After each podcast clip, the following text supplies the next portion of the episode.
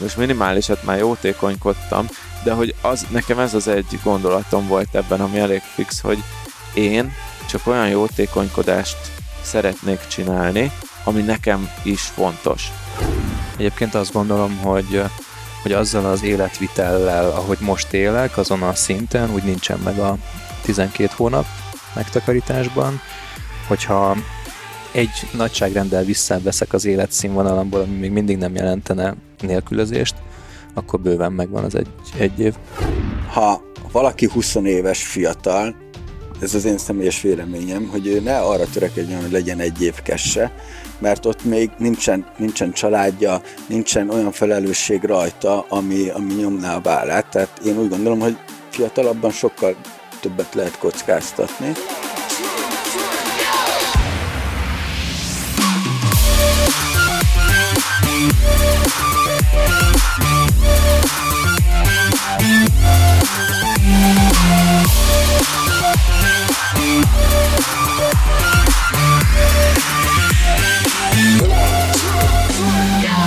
Sziasztok, drága hallgatóink! Itt egy újabb Business Boys podcast adás.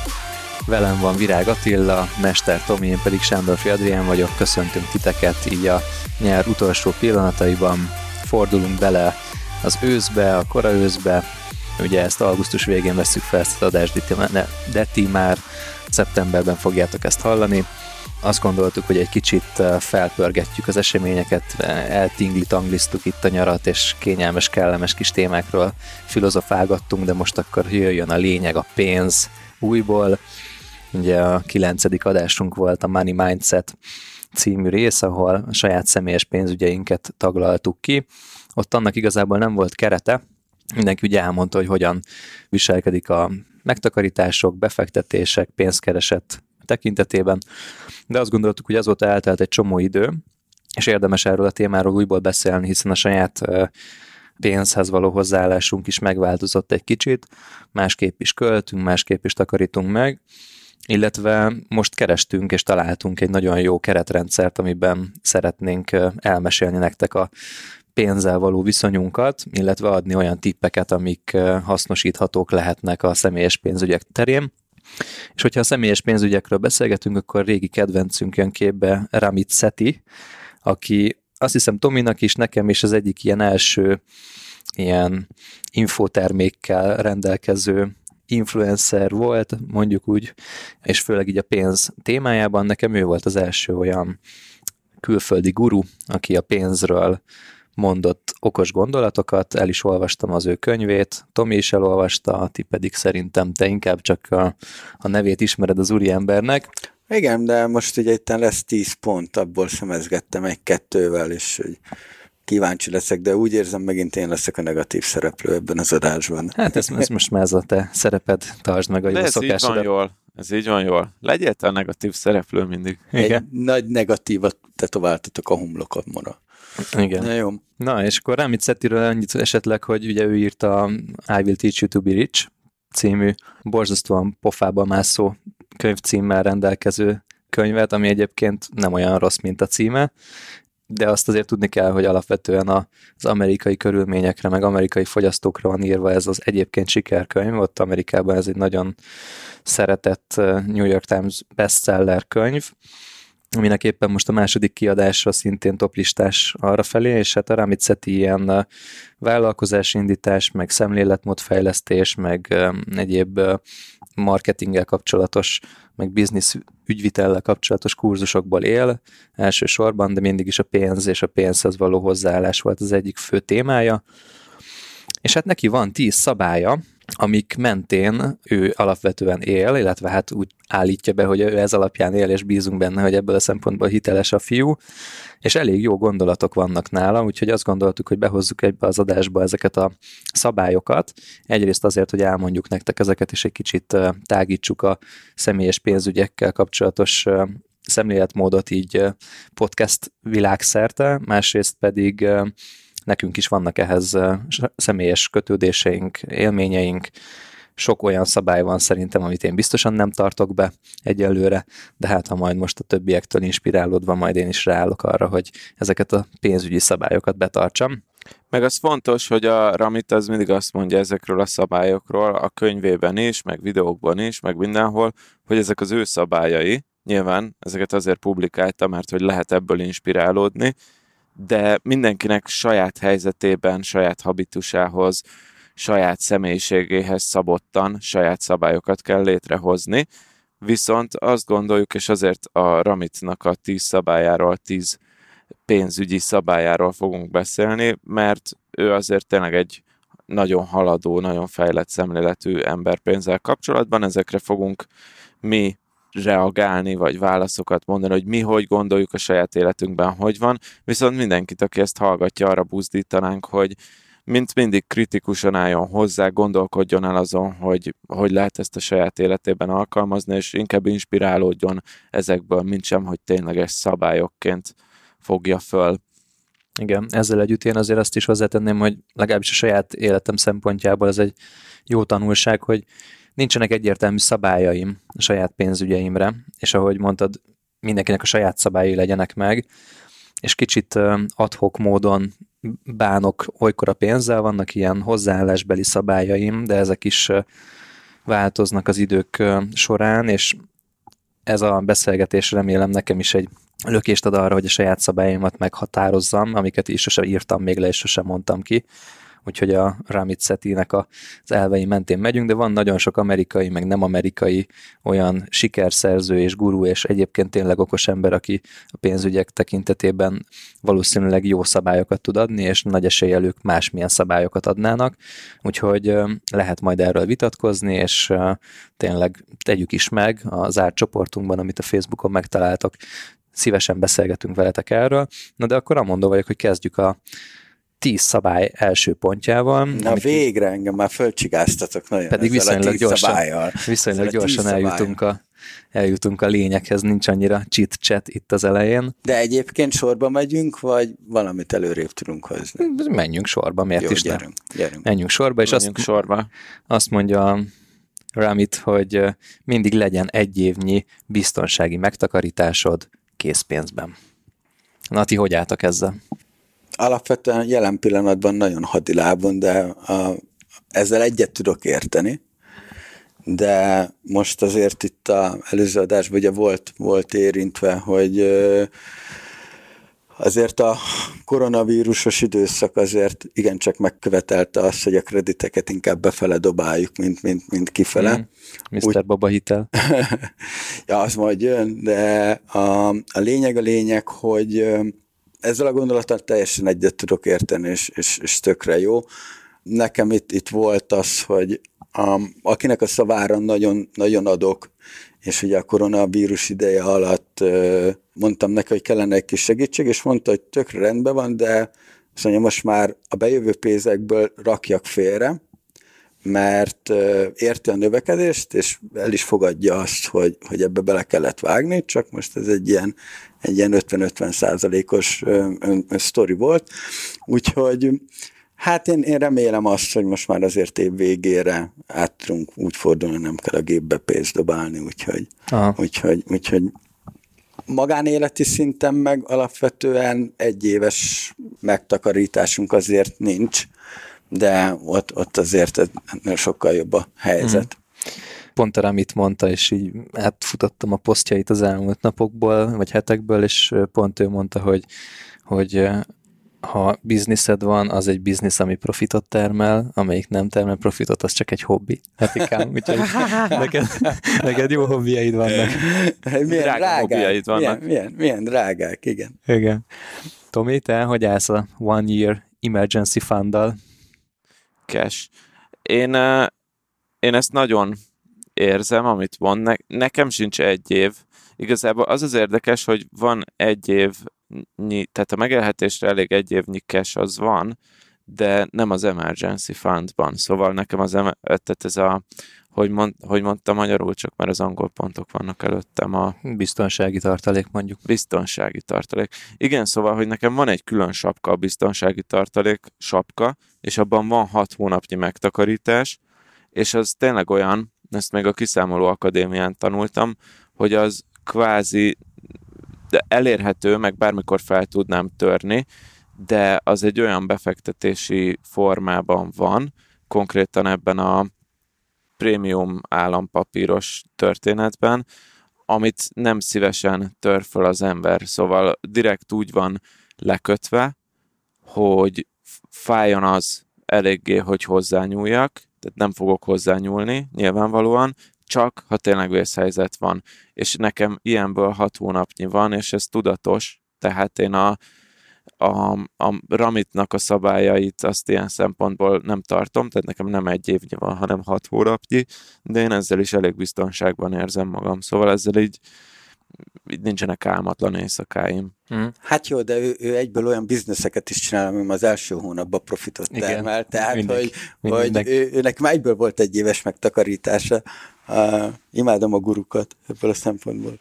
De nem, nem, ő nem azt mondja, hogy en, ennek kell lenned most, hanem hogy erre törekedj. Yeah, Illetve yeah. Hát ez, az, ez az ő izéje, és én is, amikor elkezdtem összetenni a megtakarításomat, ezt a biztonsági tartalékot, akkor egy év volt, vagy talán még több idő, mire összegyűlt az a pénz, ami ezt a hat hónapos biztonsági tartalékot jelenti, és tényleg ott csak annyit csináltam, hogy akármi volt, ha csak tényleg nem volt vészhelyzet, de szerencsére nem volt, ami konkrétan ilyen egészségügyi vészhelyzet lenne, tehát hogy nem tudok dolgozni, kiesek a munkából, valamilyen műtétre kell nagy pénz, vagy nem tudom, milyeneket tekintek én ilyen biztonsági dolognak, vagy hogyha tényleg így nullára kifut annyira a pénz, hogy már kajára sincs pénz.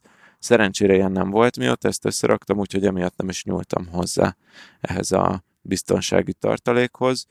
A többi megtakarítást azt pedig egy külön kasszába kezelem, tehát azt sokkal szívesebben nyúlok ahhoz a külön kasszához, ha a bizniszbe vissza kell forgatni, ha a, mit, akármi.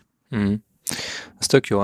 Már rögtön itt látom az első pontot, ami, ami nekem fejlesztendő, ugyanis te mondtad ki, hogy, hogy külön, mint biztonsági tartalék úgy nincs meg az egy évnyi, és rájöttem, hogy nekem valójában van megtakarításom, de nincsen ilyen fiókokra bontva, hogy megtakarítás, ami a nem tudom, biztonsági dolgokra kell, vagy egy olyan fajta, ami egy konkrét célra gyarapszik nálam, vagy egy olyan fajta, ami mondjuk a vállalkozás fejlesztésére szolgálna. Nekem van egyébként körülbelül 7-8 zseb digitális zseb, ahol tartom a pénzemet. PayPal-on, TransferWise-on, különböző biztosítási alapokban, itt-ott vannak pénzek, van cash, Szóval, hogy azért legalább 7-8 féle helyen tárolok valamilyen pénzösszeget, kisebb-nagyobb összegeket, de ezek nem az szerint vannak felosztva, hogy milyen célt szolgálnak, és ez most úgy gondolom, hogy egy, egy hiányosság az én rendszeremben, amit is szeretnék megváltoztatni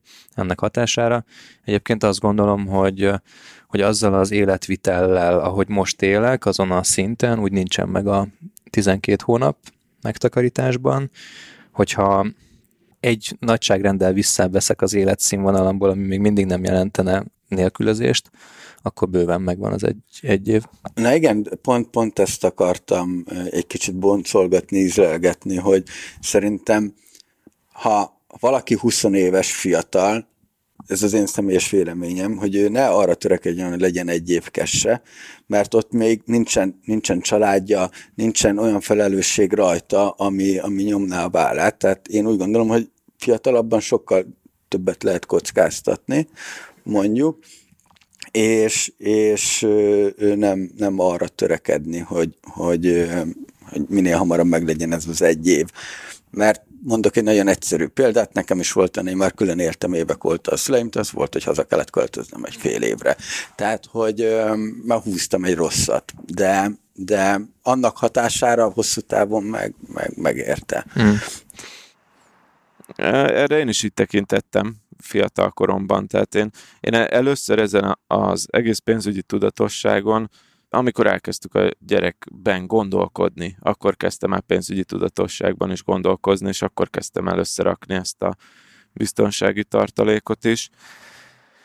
20 évesen tényleg én is, én is úgy éltem meg, hogy, hogy ott az volt az igazi befektetés, hogy mondjuk a belvárosban laktam, és akkor közel voltam mondjuk a, azokhoz a dolgokhoz, ahol tényleg történnek a dolgok, én is így láttam, hogy 20 évesen talán túlságosan is biztonsági játék lenne ezt az egyéves, legalábbis az én felfogásomban, az én akkori életvitelemben túlságosan is biztonsági játék lett volna akkor összerakni ezt a biztonsági tartalékot. Nyilván élethelyzet meg ember függő. Ja. De ez már valahol, valahol valamilyen szinten érinti a kettes pontot is. Igen. Ezt így szépen átvezettük. Igen, szépen. Én még egy mondatot akartam mondani, hogy szerintem ez az egyéves biztonsági megtakarítás, ez, ez lehet úgy nézni, hogy, hogy tényleg biztonságiként tekinteni rá, tehát hogy, hogy ez egy vészhelyzetre szól. Egy olyan vészhelyzetre szól, ami, ami, amit így nem kalkulál bele az ember ebbe az egészbe. Tehát itt kifejezetten arról beszél azért a Ramit, hogy 6 vagy 12 hónap mondjuk, ami potenciálisan keresőképtelenség állapota. Uh-huh. És ez már megint ott tetéződik ennek a tétje, amikor másért is felelsz, amikor más is függ attól, hogy te pénzt keresel, és ebben az értelemben szerintem ez egy fontos szabály, hogyha csak magadért felelsz, és ráadásul mindig van hova visszamenekülni, akkor valószínűleg nem. Meg, meg talán az is egy érdekes dolog lehet, hogy honnan jön a pénzed. Például Adi, te többnyire az idődet adod el a coachinggal, meg az ügynökségbe is. Fejlődök ebben, már egy, képzeld el, mondjuk a bizniszémnek a mondjuk 60%-a az már nem az én időmet. Ez na, na ez, ez tök jó.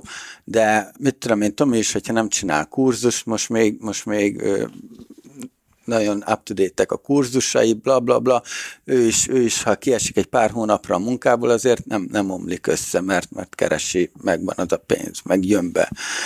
Én például ha most én fél évre, ne adj Isten, kórházba kellene feküdnöm, mert most a felvétel után motorra jöttem a felvételre, elcsap egy autó, és fél évig a kórházban vagyok, mert szilánkosra tört a lábam, vagy akármi, akkor sem halnék éhen, mert ugye a fejlesztő cégbe én nem kellek.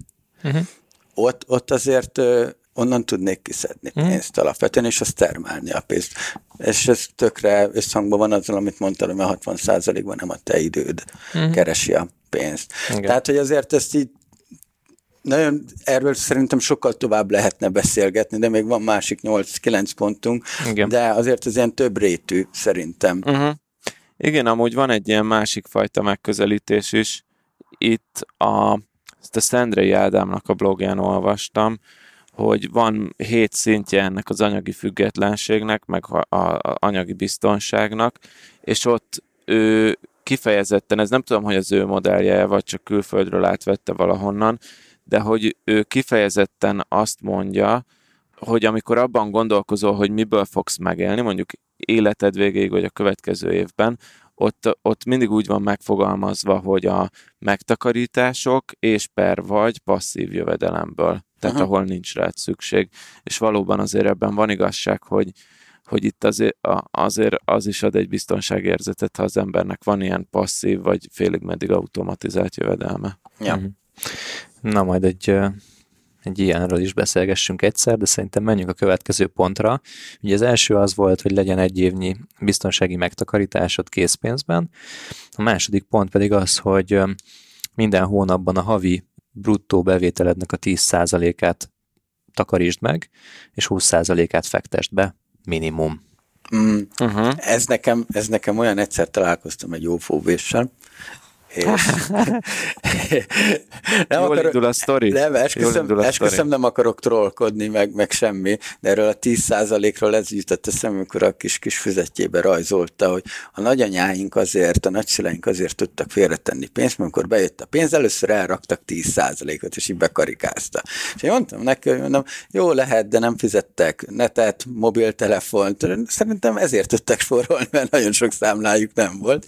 De mindegy, nem akarok belemenni, lenni, csak ez most így, így hirtelen így beugrott. Igen, szóval tehát ugye a 10% az az, amit félreteszel, megtakarítasz, akár beleteheted a biztonsági megtakarításba, akár másmilyen célra, de ami nagyon fontos, hogy azt mondja, hogy 20%-ot befektes.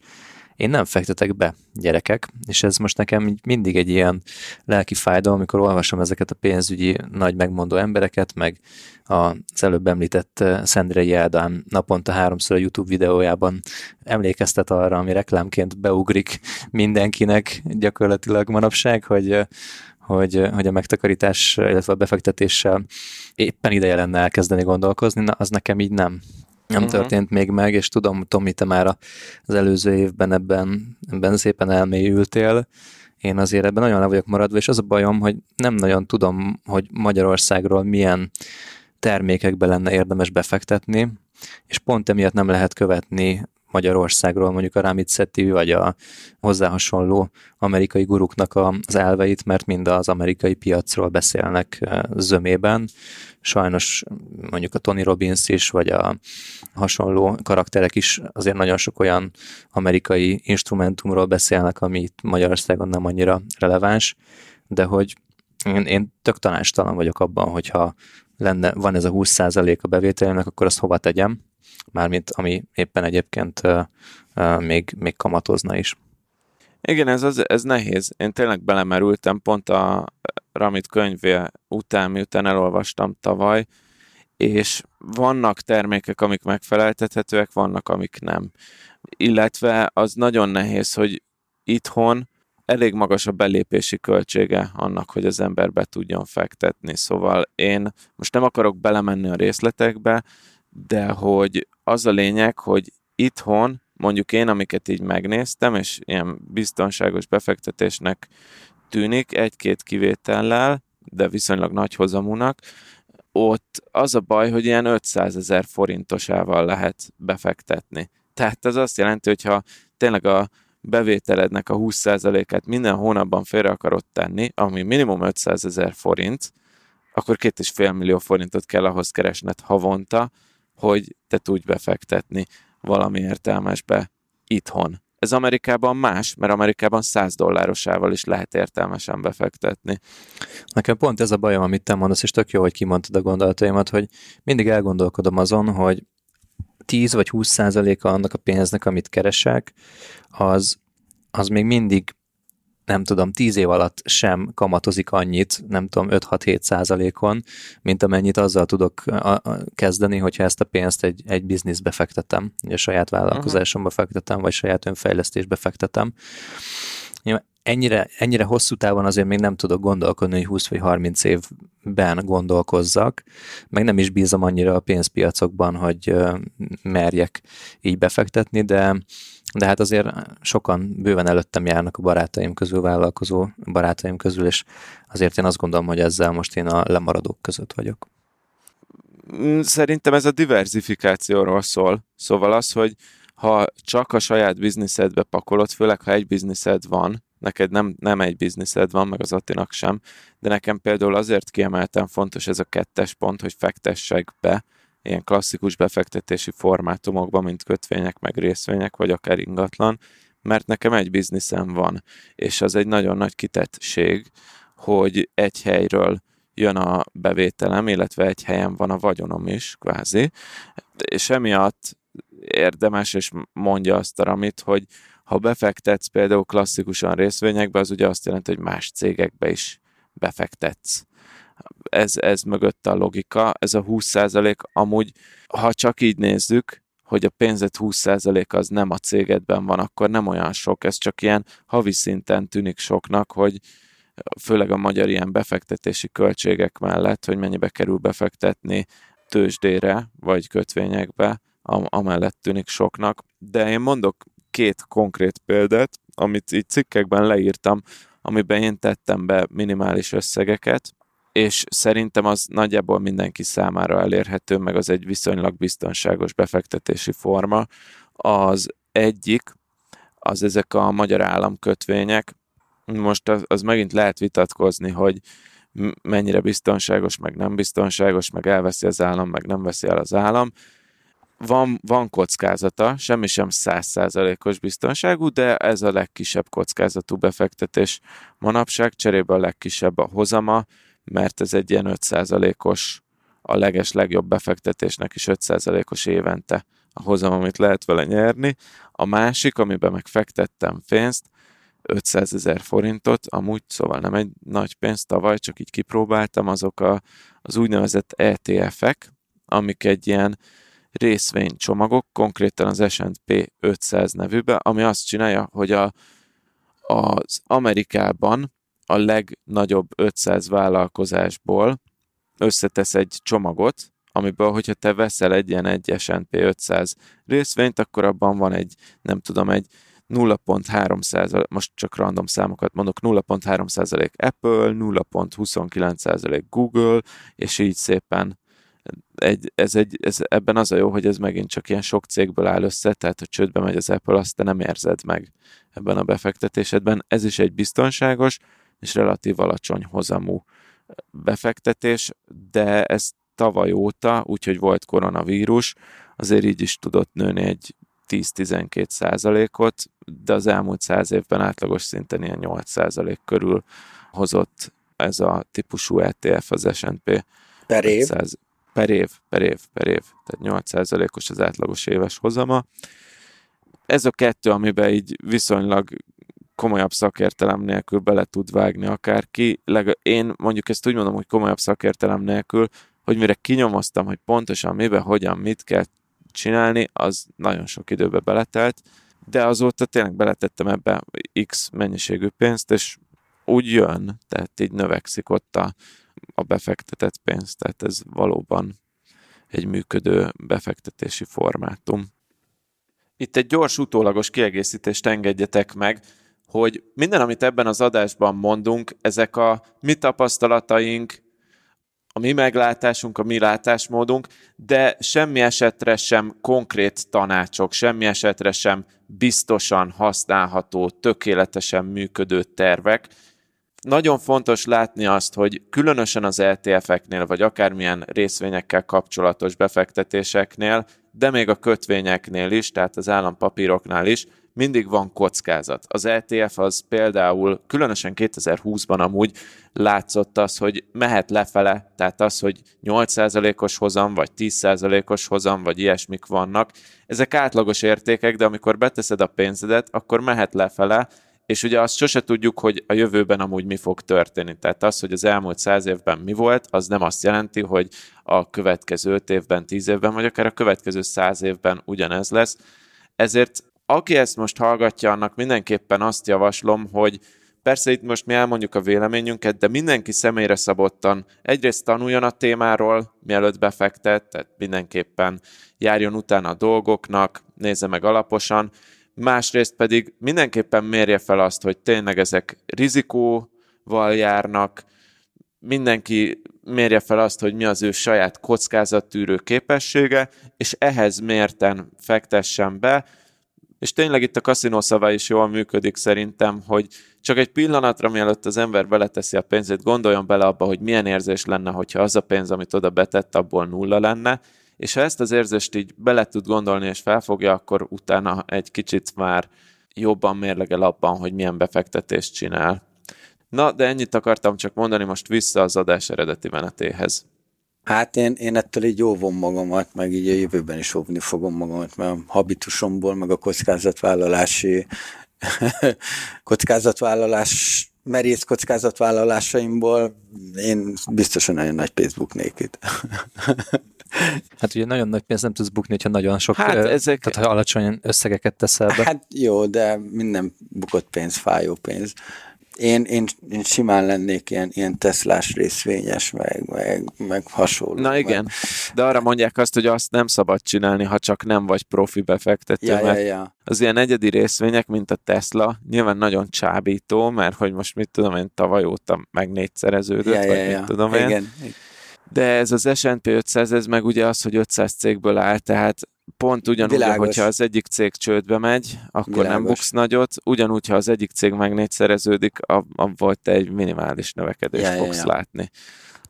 Szóval, szóval ezek ilyen, de ez, ez ilyen általános szabály ezek, ezen az irányon, hogy amikor kisebb a kockázat, kisebb a hozam is. Persze. A másik része viszont, ami szerintem fontos, amiről kevesebbet beszéltünk, ez a fix jellegű megtakarítása. Ugye azt mondja, hogy 10%-ot minden egyes hónapban, akár ugye, ahogy a nagyok mondják, hogy első tételként, tehát hogy először magadnak fizetsz 10%-ot rögtön levonod, rögtön félreteszed uh-huh. minden hónapban. Én hát, szerintem ennek azért többszörösét mm, teszem félre. Most, hogyha a legutóbbi ö, ilyen félretételemet ö, számolom, akkor ö, akkor ez ilyen 30% környéke uh-huh. volt annak, amit én félretettem, vagy amit általában félreteszek, sőt, talán ez olykor több is, és egy, ez, egyébként ez az, amivel úgy, úgy én azt gondolom, hogy én, én jól vagyok, mert ez már egy olyan összeg, amivel egészségesen tudok gazdálkodni, és szépen gyarapszik is. Számomra ez a legfontosabb jelenleg, de az, az ugye elég elkeserített így az egyes pontot látva, hogy nincsen igazán mögötte egy cél, hogy ezt uh-huh. mire költöm, vagy mire fordítom, vagy mire gyűjtöm ezt a pénzt. Nincsenek ilyen jó kis mappákba rendezve, hogy mi az, ami biztonsági, mi az, ami célhez kapcsolódik, mi az, ami egy konkrét, nem tudom, valamilyen egyéb vágyat szolgál, de minden esetre ezt a 10%-ot ezt bőven tudom hozni.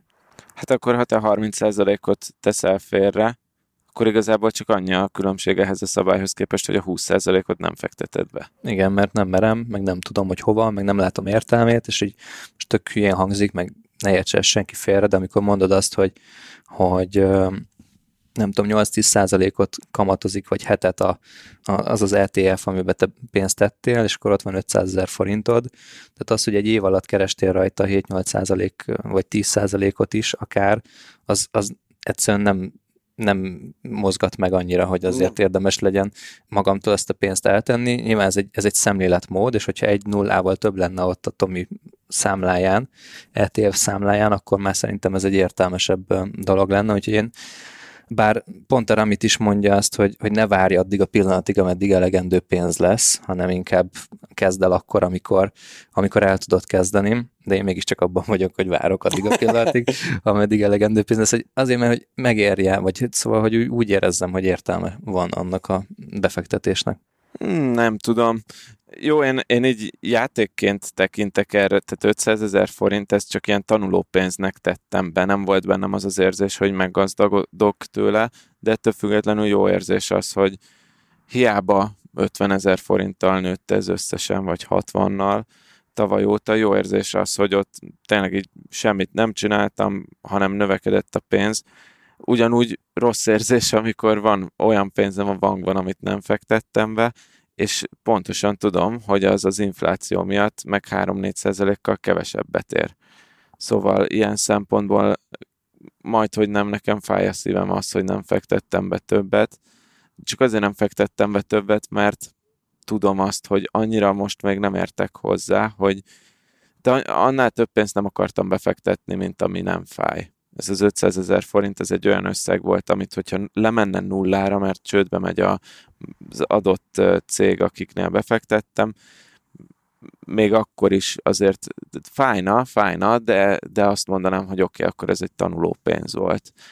Úgyhogy nekem ez a logika mögötte, az, hogy mekkora az összeg, az szerintem kevésbé érdekes ezen a ponton, mert amúgy ez a másik dolog ilyen befektetéseknél, meg pénzfélrerakásnál, hogy amúgy ezek a sok kis dologból hosszú idő alatt jön össze a nagy pénz. Tehát, hogy nem hiszem azt, hogy, hogy 100 milliós vagyont föl lehet építeni racionálisan ma Magyarországon úgy, hogy dobunk egy nagyot egy vállalkozással, fel lehet, ha nagyon szerencsés vagy, tehát tízezerből egy cégnek sikerül, viszont 20 év alatt kis aprólékos félrerakással, ügyes befektetésekkel, biztonságos, ügyes kis befektetésekkel fel lehet építeni. Ez nem tudom személyes tapasztalatból, mert nincs 100 milliós vagyonom, meg nem telt el 10-20 év, csak egy-kettő miatt ezzel foglalkozom, de úgy, ahogy így megnéztem a matekot mögötte, mert tényleg vannak erre ilyen szépen Excelben kiszámítható számítások, racionálisnak tűnik. És én elhiszem ezt, de hát amúgy nyilván ez is egy hit valahol, nem pedig egy exakt tudomány, mert ha 20 év múlva lesz e- erről egy follow-up részünk, akkor meg tudom mondani, hogy, hogy lette, lette 100 milliós vagyon belőle, vagy sem. Jó, a 14 ezredik részünkben. Igen, igen. Még annyit mondjál nekünk, légy szíves, meg engem is kifejezetten érdekel, hogy hol fektetted be ezt, meg milyen számlára tetted, ez egy tartós befektetési számla, vagy min, min futtatod? Hát két, két fajtát említettem, az egyik ezek az állampapírok, államkötvények, ott, a, ott magának a, most nem fog eszembe jutni, de hogy magának az államnak van egy ilyen lehetőség, hogy bemész a, várjatok, ezt kiguglizom, ha magyar állampapírt akar az ember venni, akkor én teljesen költségmentesen lehet számlát vezetni, meg papírt venni a magyar államkincstárnál, van, amúgy tök jó mobilos applikációjuk van, és ezt most nem ilyen gúnyosan, meg ironikusan mondom, hanem tényleg teljesen korrekt applikációjuk van, van netbankjuk, és 0%-ért lehet ott államkötvényt venni. Pofon egyszerű, onnantól persze, hogy megvan a regisztráció, mert az azért egy kicsit fájdalmas, tehát hogy lehet neten is, de mire kitöltöd a formot, és visszaírják, hogy elírtál benne egy betűt, ezért kötelező bemenned az államkincstárba, az, az tud pár napot igénybe venni, de onnantól már egyszerűbb vásárolni. A másik, az ETF vásárlás, azt most konkrét bankot nem mondanék, hogy kinél van, van három-négy lehetőség itthon Magyarországon, ahol lehet befektetni, ez jellemzően a nagy bankoknál van, van ilyen lehetőség, és meg kell nézni, hogy amennyit az ember be szeretne fektetni, ahhoz képest melyiknek a legkisebb a költsége.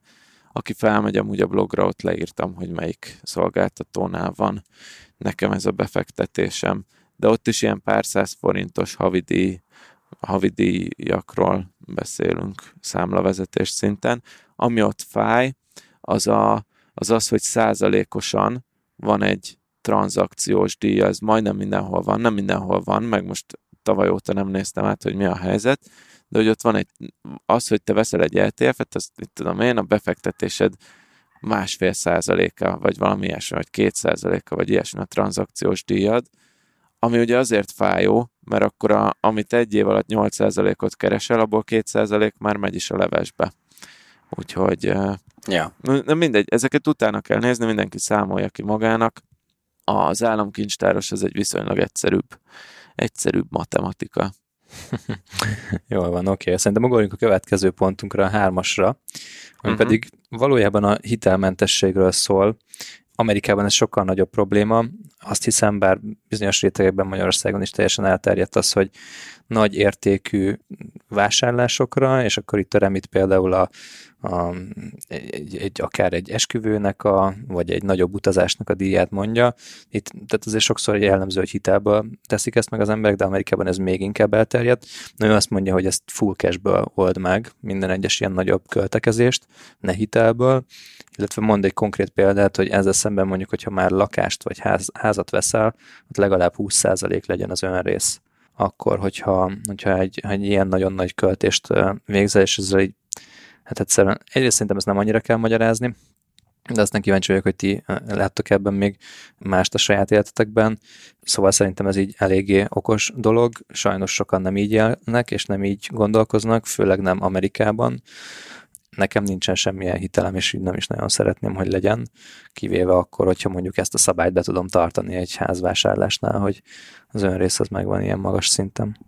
Akkor én, én ebbe, ezzel egyrészt egyetértek, nekem van hitelem, de lakáshitelem, de ott azt a 20%-ot azt megugrottuk, uh-huh. az, az, így, az így tökre rendben van. Igen, ez erre mondja azt a magyar, hogy addig nyújtózkodj még a takaródér kategória, nem akarok ledobni egy, egy bombát ebbe az adásba is, de, de, fogsz. de, de tudnék. Ami, ami mondatod így indulott már, ott már be van készítve, nem. már rajta van a piros gombon az ujjad. Rajta van, de vissza visszacsuktam, tudom, mint a vadászgépeken van hogy fel... Top, top gámba. top gámba, ja. Igen, tehát nyújtózkodj addig, ameddig a takaródér alapvetően. A autóra soha az életben nem mennék fel hitelt azért, hogy megesküdjünk, nem vennék fel hitelt. Az, hogy, az, hogy elmenjek egy világkörüli útra, nem vennék fel hitelt. Hogy, hogy mondjam, van, akinek fontos a látszat, és, és ezek a dolgok fontosak, és erre akar költeni, szíve joga, ezért él a kapitalizmus, érted? Milyen rossz lenne a bankok, meg senki nem venne fel hitelt magánszemélyként, cégként pedig szerintem semmi baj sincsen a, a, a hitelekkel, a céges hitelekkel ugye ott már önmagában nagyon megnéznek, hogy, hogy cégként adnak-e neked hitelt. Egyébként van olyan cégem, ami, ami sok tízmillió forint hitelt akartak most adni uh-huh. nekünk, tehát hogy, hogy mondtam, hogy oda nem kell, másik hova kell, megnézték a céget, és azt mondták, á, oda nem.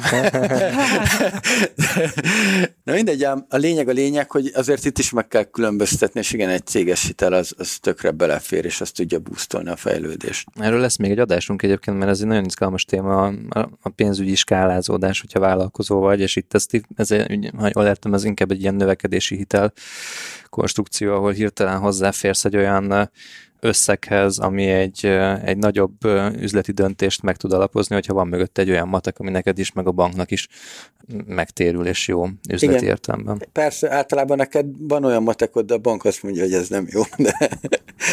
Szerintem azt fontos elmondani, hogy ezek a szabályok, amit a Ramit mondott, ezek személyes pénzügyekhez kapcsolódnak. Uh-huh. Szóval ez tényleg így van, hogy a biznisz hitel, meg a személyes pénzügyi hitel, az, az két külön kategória. Nekem van egy haverom, aki tulajdonképpen üzle, abból épített bizniszt, hogy ingatlan adásvétellel foglalkozik, de egy nagyon kulcseleme az volt a, a bizniszének, amikor elkezdte, hogy ő bement a bankokba, és tudott úgy tárgyalni üzleti hitelekről, hogy az neki nagyon jól jöjjön ki, és pont a bank is egy ilyen kényszerben volt, hogy pénzt kellett kihelyezni, ez pár éve volt, és tényleg a bankon nyomás volt, hogy, ki, hogy teljesítsék a KPI-okat, és, és ezért nagyon kedvező áron adtak neki hitelt, és ha ő ott nem vesz föl hitelt, akkor ugye vagy nem indul be a biznisz, vagy egy befektetőt kellett volna behozni a sokkal rosszabb feltételek mellett. Tehát azért a hitel az tud egy nagyon jó dolog lenni,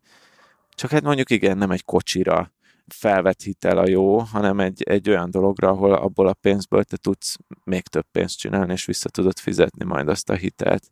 Tehát ezt ezzel én is egyetértek, hogy nekem, nekem ilyen fizikai fájdalmat okozna az, hogyha egy kocsit hitelből vennék meg. Ezzel együtt én is látom azt, meg van ismerősem, aki így vett, így vett autót, ott is ki lehet számolni, lehet, hogy jobban jár az ember, hogyha ha éppen hitelből veszi, meg meg lehet csípni olyan hiteleket, de ezt azért lássuk be, hogy ez nagyon ritka. És ez pont igaz minden ilyen egyéb dologra, hogy esküvő, világkörüli út, akármi. És itt azért itt nem írja le a Ramit, de de nyilván az ő történetéhez az is hozzátartozik, hogy hogyha már van biztonsági tartalék, akkor érdemes legyen olyan tartalék is, ami ezeket az álmokat valósítja meg. Így, hogyha egy nagy utazást, egy esküvőt, egy házvásárlást, vagy autóvásárlást tervez az ember, akkor célszerű arra külön költeni.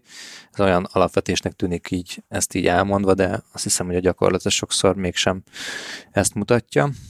Na, de szerintem ezen ugorhatunk is tovább. Uh-huh.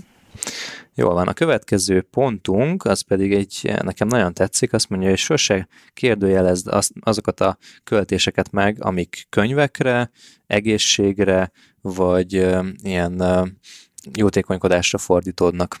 Mi az egy pontot, egy, pontot, egy pontot nem olvastál fel az előételek. Az a... Ezt nem is értem.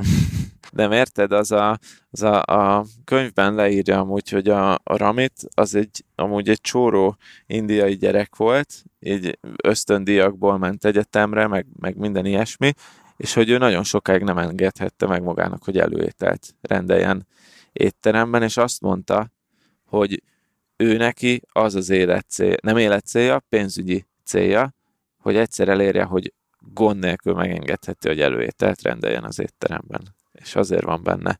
Azért Nekem van ez... benne ez neki a négyes pontban, hogy, hogy kvázi ez arról szól, hogy élvezze is a pénzét.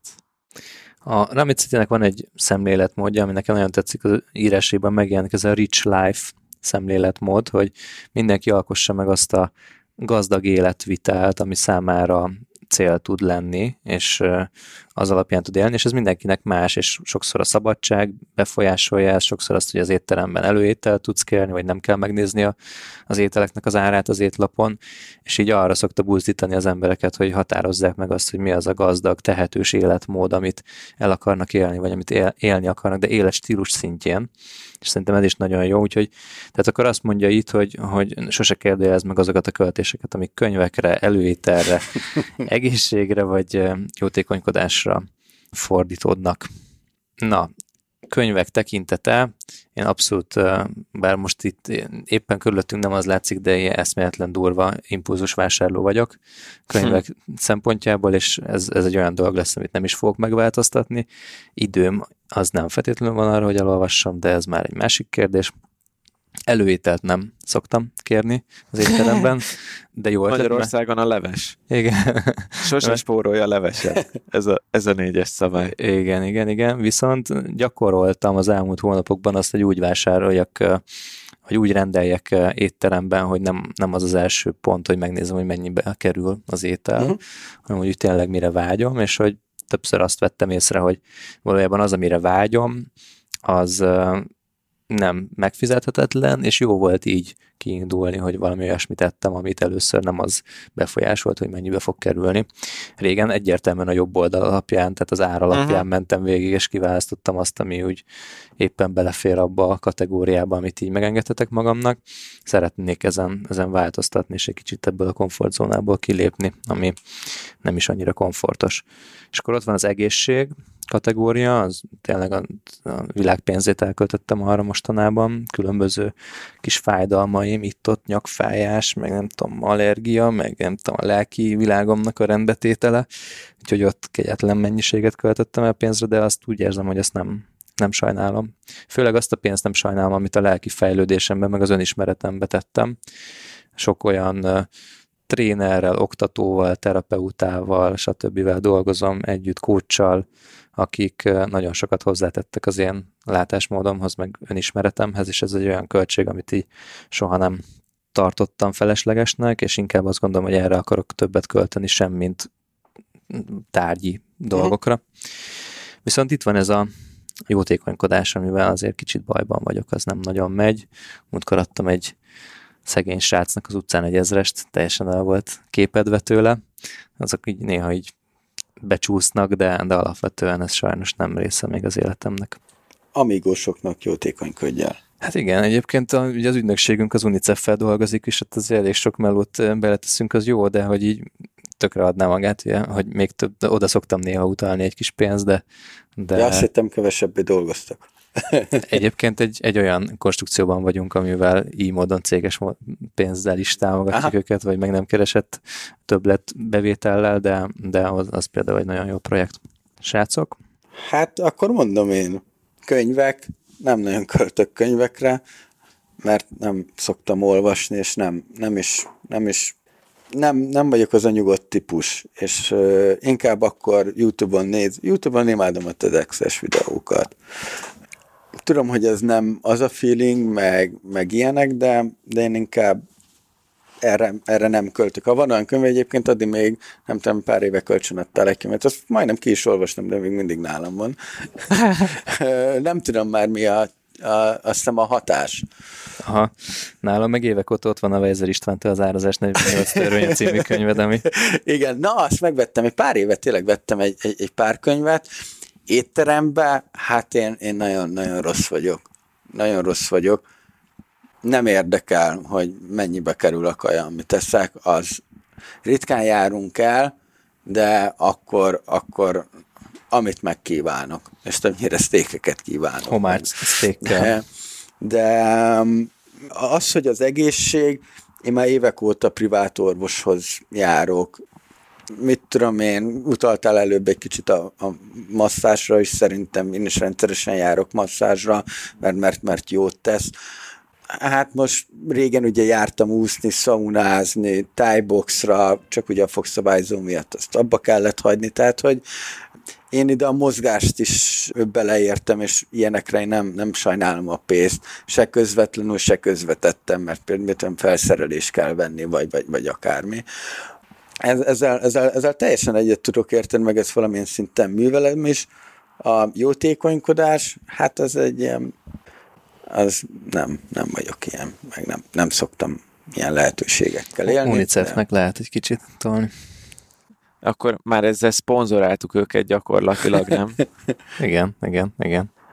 Ez, ez, a, ez a jótékonykodás tényleg érdekes kérdés, ez nekem is az a kategória, amit sok helyen hallok, de hogy egyszerűen annyira nem volt benne a hétköznapjaimban, meg a kultúrában, ahon, de ahonnan én eddig tanultam, meg a környezetemben, meg tényleg senkinek, vagy nagyon kevés olyan ember van, aki jótékonykodással foglalkozik, ezért nem volt benne nekem jó van. a hétköznapjaimban. Bocsánat, Tomi, szabad ne feled, jótékonykodjunk BB-vel.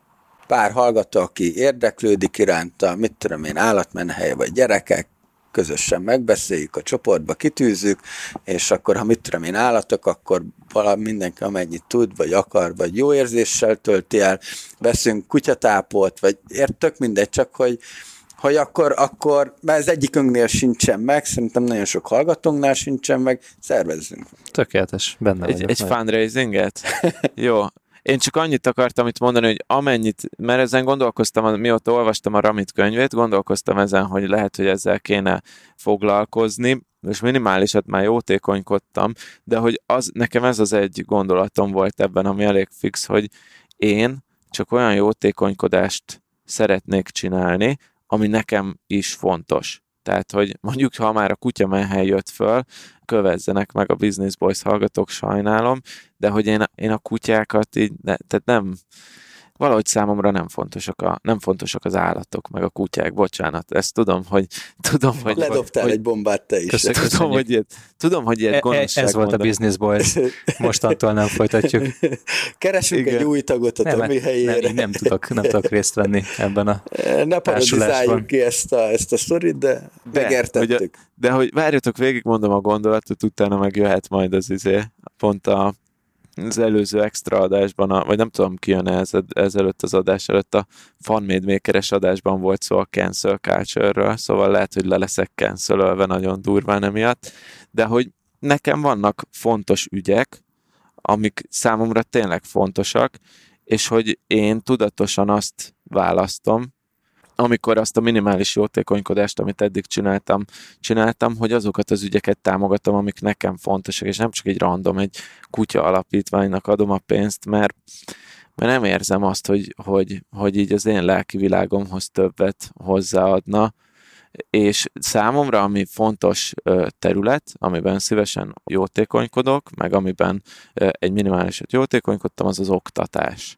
Az oktatásnak az elérhetővé tétele akár e, ilyen szegényebb területeken is, és erre vannak különböző platformok, például a Khan Academy, meg ilyesmi, akik, akik, meg a Wikipédia is például adományokból tartják fel magukat, úgyhogy én, én mondjuk szívesebben adományoznék ilyen szervezetnek, ez mondjuk nem azt jelenti, hogy ez a bébés fundraising, ez nem, lehet a, nem szólhat a kutyákról, inkább csak így, így maga a hozzáállás számomra, hogy, hogy, hogy nekem egyenlőre ott tartok legalábbis lelkileg, hogy én csak olyan ügyekben tudok jótékonykodni, amik számomra fontosak.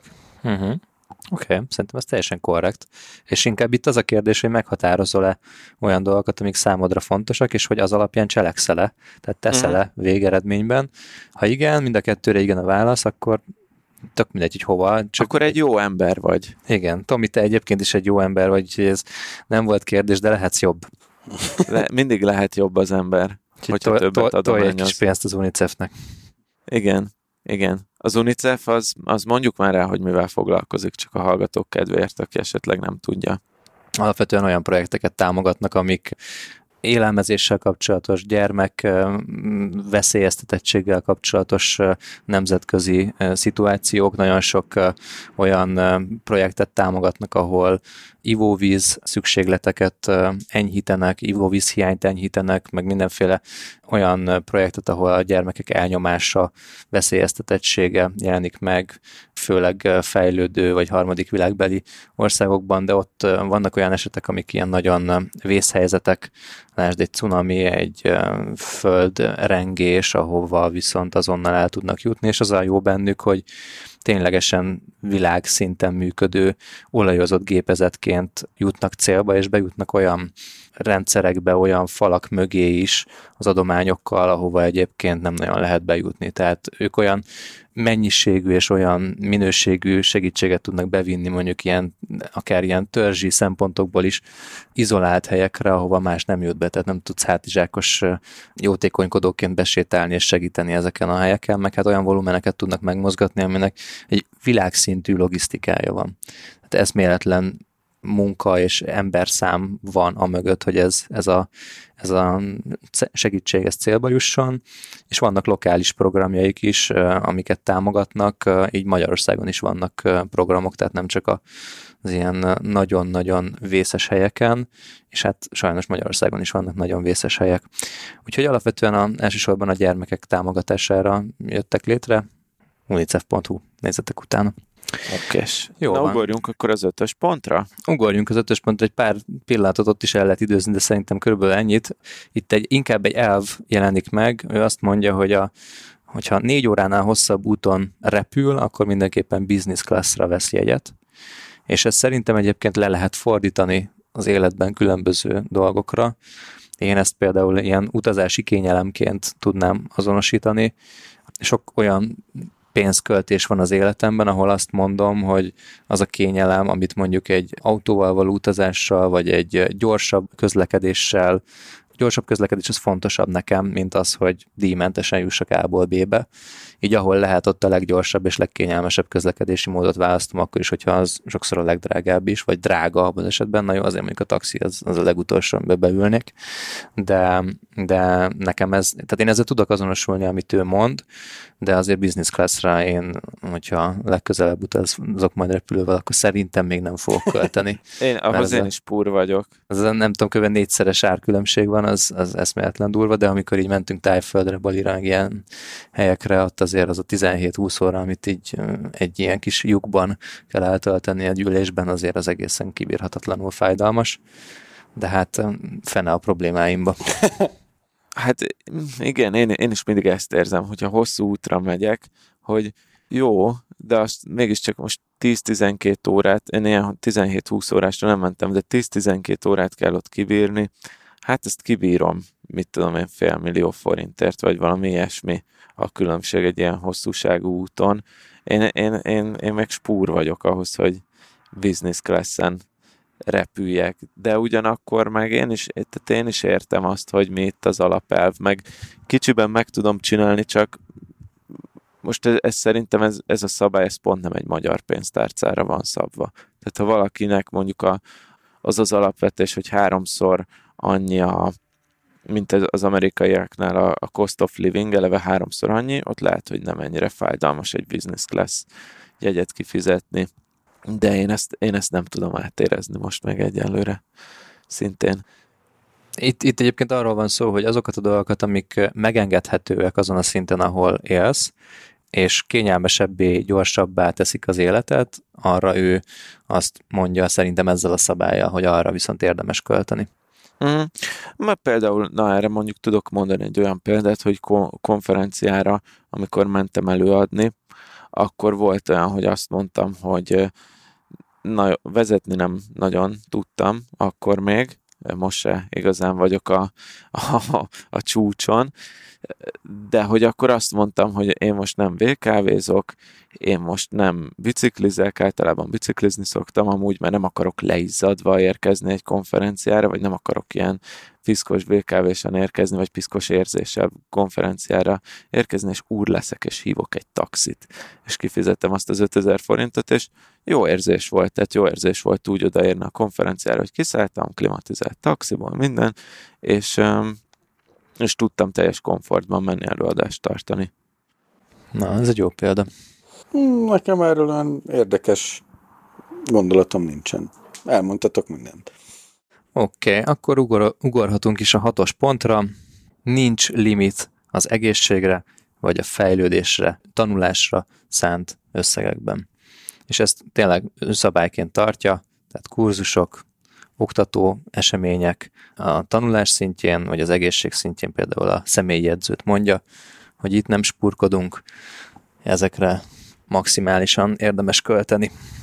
Ez, ez nekem egy kicsit összecseng a négyessel valamilyen uh-huh. szinten, mert ugye ott a könyvet hozta, itt meg a tréninget, kurzusok, bla bla bla.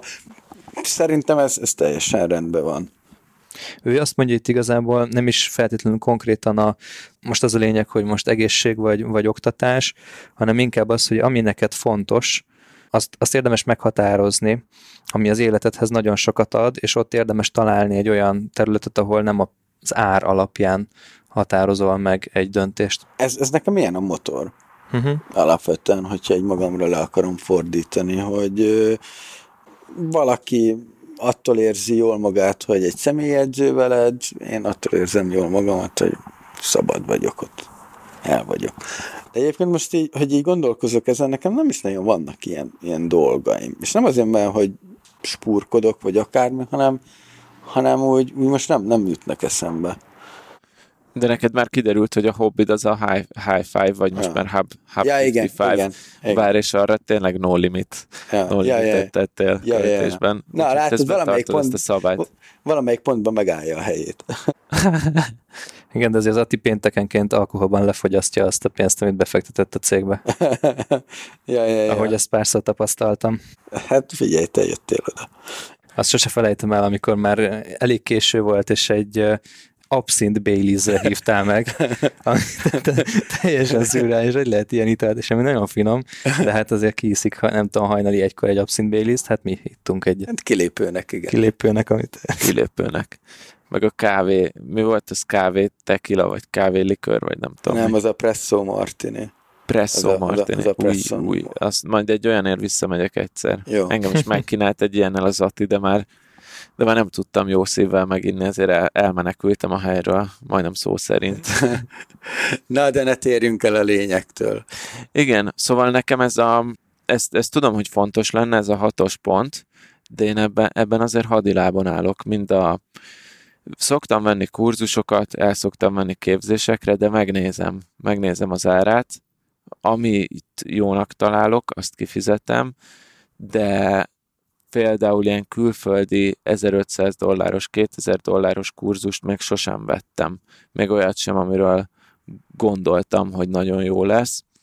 Itthon ilyen több tízezer forintos kurzusból már többet is vettem, jók is volt. Van, amelyik nem volt jó, van, amelyik nem érte meg. Hasonlóan eseményekre elmentem, mentem már olyan eseményre is itthon, ami, mit tudom én, 100 ezer forintba került egy egynapos konferencia, azt se bántam meg, de, de megnézem azért, meg nem sűrűn költök erre, azért mondom azt, hogy azért az a no limit, az önfejlesztésre, vagy az edzésre, az nálam még nincs meg. Ugyanúgy azért a, mondjuk én, én most pont úgy sportolok, hogy futni járok, annak ott no limit a, a költés, mert hogy semennyibe se kerül ki- kimenni a futópályára, de ilyen kond, konditeremben viszonylag ritkán megyek, úgyhogy ott a személyegyzőt meg talán pont megint csak azért nem fizetek meg még egyenlőre, mert azt érzem, hogy most nem szívesen dobnék ki rá pár tízezer forintot, pedig tudom, és mindenki mondja, hogy ez egy óriási, nagyon jól megtérülő befektetés minden szempontból, csak még nem tartok ott uh-huh. lelkileg, meg tudatosságban, hogy tudjam, hogy ez tényleg jó. Tényleg jó, megéri szerintem erre is költeni. Itt, uh, itt valójában arról van szó, hogy valamit, ami így tényleg nagyon fontos, és hozzátesz az életedhez, ott, uh, ott ne a, a pénz dominálja azt, hogy megteszed-e azt a lépést. És uh, itt például az oktatás tekintetében én sokszor így hasonló cipőben jártam, hogy nem költök nagyon online kurzusokra, ez nem igazából az én műfajom, főleg azért, mert nem nagyon szánom rá az időt, hogy megnézzem ezeket. Sok olyan barátom van, vállalkozó barátom, aki ebben viszont nagyon jó, hogy jól, jól költ erre, és jó sokat, és sokat is ki is ezekből. Én viszont a személyes segítségnek a költségeit nagyjából limitálatlanul használom fel, ott inkább az idő az, ami a limitet képviseli. Tehát az, hogyha egy, egy személyes kapcsolaton keresztül, egy, egy konzultáción, tanácsadáson keresztül én tudást kapok, az az, amire én igen, igen sok uh-huh. pénzt költök. Tehát a, az elmúlt 5-6 évben coachingra rengeteg pénzt költöttem el, ami nagyon sokat hozzátett az én életemhez, és most is egy csomó olyan segítővel dolgozom, aki az én leginkább most ilyen önismereti utamat támogatja, de ez meg nagyon sokban hozzájárul ahhoz, hogy a vállalkozás fejlesztésem az gyorsabb és biztonságosabb legyen. Úgyhogy én inkább egy-egy személynek adom így közvetlenül személyes konzultáció formájában a pénzt. Ennyi. Nem a Tominak a personája vagy. Hmm. Nem, Igen. nem, nem.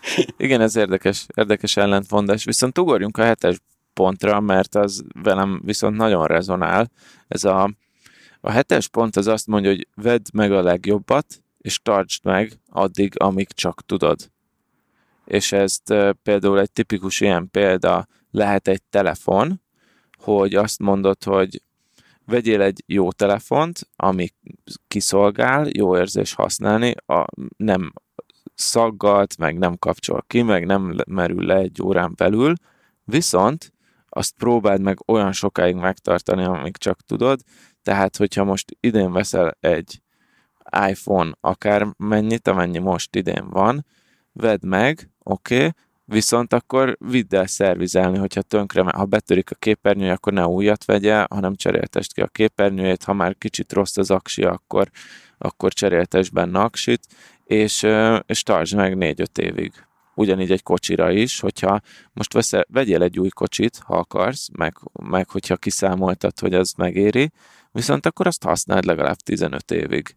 És akkor azt ha, hajtsd addig, ameddig megy, vidd el szervizelni szépen, hogy ne menjen tönkre, és nekem ez a szabály, ez tökre bejön, és, és, és ezt, ezt élem is, meg próbálok is például ruhát is úgy vásárolni, hogy ne olyan pólókat vegyek, amik mondjuk egy hónap után tönkre mennek, hanem próbálok olyan pólókat venni, mondjuk az a vicc, hogy olyanból is most egy ilyen 1500 forintos póló van rajtam, hogy lehet olyan pólókat venni, amik egy évig, vagy két évig, vagy akár öt évig is tök jól bírják. Én ezzel eléggé hadilában álltam, ez, ez nekem inkább ilyen gondolkodásmódbeli küszöb, hogy sokkal inkább az volt a jellemző, hogy az olcsót vegyem meg, nem tudom, az életem első 10 évében, ami nyilván nem feltétlenül az én pénzügyi döntéseimből fakadt, és ez, ez, ez a mai napig is kísért, és, és például egy ruhában nekem nagyon nehezemre esik egy olyan terméket választani, amiről tudom, hogy sok-sok-sok évig szolgálni fog, inkább veszem meg a negyedötöd annyiba kerülőt, és, és fél év után rájövök, hogy ezt dobhatom ki a fenébe, és ezt már annyiszor rájöttem, hogy igen, a következő cipővásárlásomnál például tényleg ki fogok adni egy, egy jelentősebb összeget azért, hogy egy megbízható, jó cipőt hordjak, és mégis visszaesek abba, abba a pénzügyi gondolkodásba, amit inkább arra ösztökél, hogy az olcsóbbat vegyem meg, de azért már ennek is szerencsére oldódnak ezek a nyomai a, a lelkemben, úgyhogy próbálom erre tréningelni magam, de ez, ez még, még nem az én asztalom elsősorban. Hát adja, akkor mondok egy, egy statot. Nekem három olyan farmerom van, amit már négy-öt éve vettem, és mai napig hordom. Mm-hmm mondjuk a cipőbe ezt, ezt nem tudom tartani, tehát, hogy van egy ilyen cipőfétisem alapvetően, és, és mikor hazaállítok egy cipővel, ott van egy 10 perc nettós veszekedés. Minek kellett még egy cipő? És az, az, az nekem nem tudom. Abban én ezt nem tartom, de például a telefonból én nem veszek új telefont jó, alapvetően céges, de akkor is használt, amit tesztelefonnak használunk, azt az, az mindig kiveszek egyet, és akkor, mm.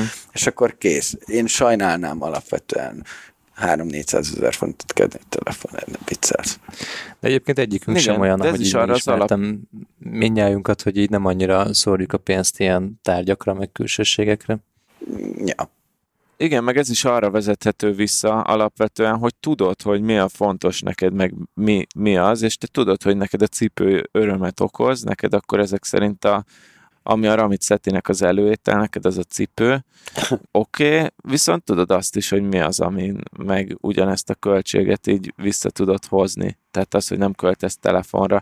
Viszont ez a hetes szabály, ez tényleg arról szól, hogy, hogy vegyél olyat, amiről tudod, hogy jó, és, és próbáld meg azt minél több ideig használni.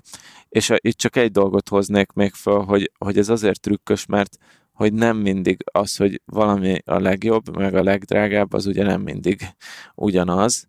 Szóval simán lehet találni legjobb dolgot olcsó kategóriában, meg simán lehet találni nagyon drága kategóriában egy kalapszart. Ja. Főleg, amúgy, főleg amúgy ruházkodásban szerintem nekem mindkettőre van példa, hogy vettem drágán farmert, ami elszakadt egy fél év után, ja, én meg amúgy tényleg vissza. a póló.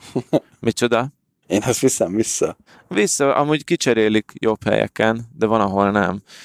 De hogy van olyan is, hogy, hogy mondjuk vettem, tényleg ez a póló, ami rajtam van, ez 2000 forint, és, és már tök régóta megvan. Szóval ja. ki lehet fogni ezeket a dolgokat. Jó. Hm. Jó. Jó, a Már nyolcashoz Tominak csatlakozni mennie kell. A nyolcashoz csatlakozni kell a Facebook csoporthoz. Jó, oké, a 8-es nem mondjuk, az csatlakozni kell a Facebook csoportba, a 9-est eh, vesszük következőnek, ez pedig azt jelenti, hogy házasodj a megfelelő személlyel. Na miért hozta ide a Ramit Szeti ezt a példát? Én, Mire itt, gondolt a költő? én, Igen. én, én itt tudnék trollkodni, de idő hiányában vagyunk, úgyhogy, úgyhogy nem. Egy, ebben van egy kettős érzés, mert nyilván vegyél olyan nőt vegyél el, vagy olyan férjet válasz, akinek van pénzügyi intelligenciája. Én szerintem ő, itt- ő erre, erre akart kiukadni, de akkor most a szerelem a második helyre szorul, és az elsőre a kapitalizmus. Érted? Tehát Szerintem ezen- nem erre gondolt. Szerintem nem erre gondolt, hanem arra, bár erre őszintén nem emlékszem a, a könyvből sem, hogy mit írt ide, hanem arra gondolt, hogy az, hogy összeházasodsz, elválsz, nem jó személlyel találkoztál, az egy, az egy csomó energia, pénz, és, és olyan veszteségek, amik mind lelkileg, mind anyagilag megviselnek fölöslegesen, csak azért, mert beleugrottál egy olyan házasságba, ami nem a megfelelő emberrel volt. Ennek lehet, hogy így van, és, és ezt el tudom fogadni, meg tök logikusan hangzik így, ahogy mondod, de, de azért szerintem itt egy párkapcsolatnál valamilyen szinten pénzügyi tudatosságban hasonlóan kell gondolkodnotok, vagy hogy ha te spúr vagy, akkor nem fogsz egy olyan nőt elvenni, aki szórja a pénzt. Uh-huh. Szerint. Hát nem biztos, mert lehet, hogy el fogod venni, mert, Mert mert szerelmes szerelmes vagy, vagy. igen, de hogy egyrészt ugye nem, a legtöbb ember nem azonnal ismertség után házasodik meg, Ja.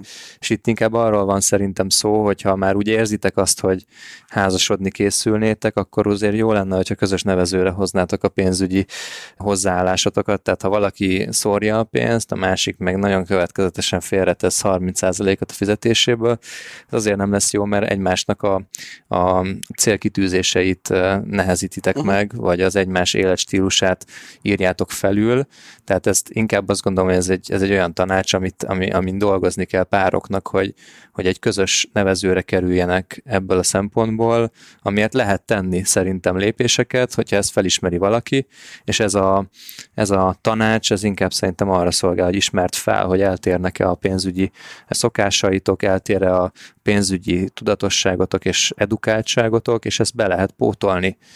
Viszont érdemes úgy házasságot kötni, hogy, hogy nem egymás ellen játszotok anyagi értelemben, illetve hogy, hogy nagyjából ugyanazt a képet és ugyanazokat az elveket valljátok, mert hogy valóban, ahogy ő azt mondja, hogy ez az egyik ilyen legbefolyásolóbb tényező a későbbi vagyon, illetve megélhetés szempontjából, hogy két ember, akik közös vagy ellentétes elveket vallanak, azok hogyan állnak hozzá a pénzhez, hiszen együtt döntitek el a lakásházvásárlás kérdését, együtt döntitek azt el, hogy a gyerek az állami oviba menjen, vagy fizetős privát oviba, majd iskolába, hogy milyen ruhákat vegyen, és amikor állandóan ezen kell majd veszekedni, hogy most ez drága lesz ez a cipő a gyereknek, vagy inkább vegyük az olcsót a gyereknek, akkor az egészen meg tudja mérgezni a párkapcsolatokat, és majd biztos lesz olyan vendégünk, aki párkapcsolati coach, nekem már van egy tippem rá, majd róla is, vele is fogunk beszélgetni, szerintem nagyon sok vállásnak a vége a pénzügyi veszekedés alapja. Az biztos. El tudom fogadni.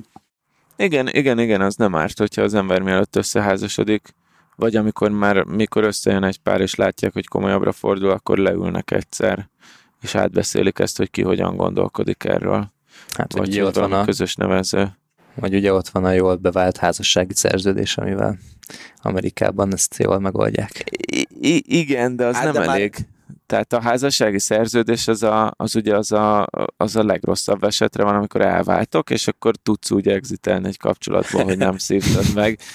De hogy alapvetően a, a megbeszélés ott meg arra játszanál, hogy már egy olyan házasságba menj bele, ahol ezek tisztázva vannak, hogy ki, ki mit. Amúgy érdekes, hogy arra, amit az kötött házassági szerződést, és erről ír is a, ír is a könyvének a második kiadásában, hogy miért, meg hogyan. Hm. Meg van Hát, egy Tim, Tim de- Ferriss-es podcast, ahol erről hosszan beszélgetnek. Hát jó, ez, ez mondjuk érdekes lehet ez a, ez a téma, mert azért így neki szaladni egy házasságnak, hogy figyelj, vagyonomról tedd le. Megértem az öreg embereket és a fiatal lányokat, de alapesetben érted. Igen, ez egy, ez egy izgi téma. Amúgy ez egy érdekes beszélgetés, azt érdemes meghallgatni. Ma, és akkor ott elmondja Ramit, hogy ő miért akart. Tim Ferris meg nem nagyon tud hozzászólni, mert neki nincs felesége, de attól függetlenül érdekes, ahogy, ahogy erről beszélgetnek. Jól van, és hát van egy tizedik pont, ami igazából gyakorlatilag csak a koronát teszi fel erre a kilenc pontra, amiből ugye nyolcat mondtunk el, a tizedik Adi, az minek, gyakorlatilag... minek, itt, minek, minek itt negatívkodni a végén a koronával? az a tízes pont nagyjából, hogy rakd össze ezt a rendszert, működtesd ezt a rendszert, építsd fel, de utána nem kell egész nap nézegetni ezeket a számokat, meg ezeket a szabályokat, egész nap ilyen nagyon feszülten csekkolgatni. Ja. Igen, igen, az a lényeg, hogy legyetek boldogok. És a pénz ehhez csak egy eszköz. A pénz nem a cél, a pénz egy eszköz. Milyen bölcsesség így a végére, Tomi. Zen Tomi elbúcsúzott végül is tőlünk ezzel a Igen, kedves én viszont a, akkor, me, akkor megyek, mielőtt elmondjátok az időket, jó? Úgyhogy sziasztok, Business Boys hallgatók, szia Adi és Ati. Ciao. És kedves Business Boys hallgatók, mi is elbúcsúzunk Atival tőletek, keressetek minket az árt csoportunkban, a Facebookon, ott lehet velünk beszélgetni, illetve van nekünk egy nagyon jó lehetőségünk arra, hogy olcsón hallgassatok hangos könyveket a Voice nevű szuper applikációban, ott 500 forintért lehet hogy az első hónapra beiratkozni, és egyébként BB podcastet is hallgatni, meg egy csomó más hangos könyvet meg lehet ott náluk hallgatni, úgyhogy ha ez érdekel titeket, akkor menjetek fel a businessboys.hu per VOIZ, azaz Voice aloldalra. Igazából ennyit a mai beszélgetésről, köszönjük, hogy velünk voltatok, terjesszétek a pénzügyi tudatosságnak a igéit és a szabályait, és alkossátok meg a saját szabályaitokat, de ne görcsöljetek el túlságosan. Ó, de szép volt. Sziasztok! Hello.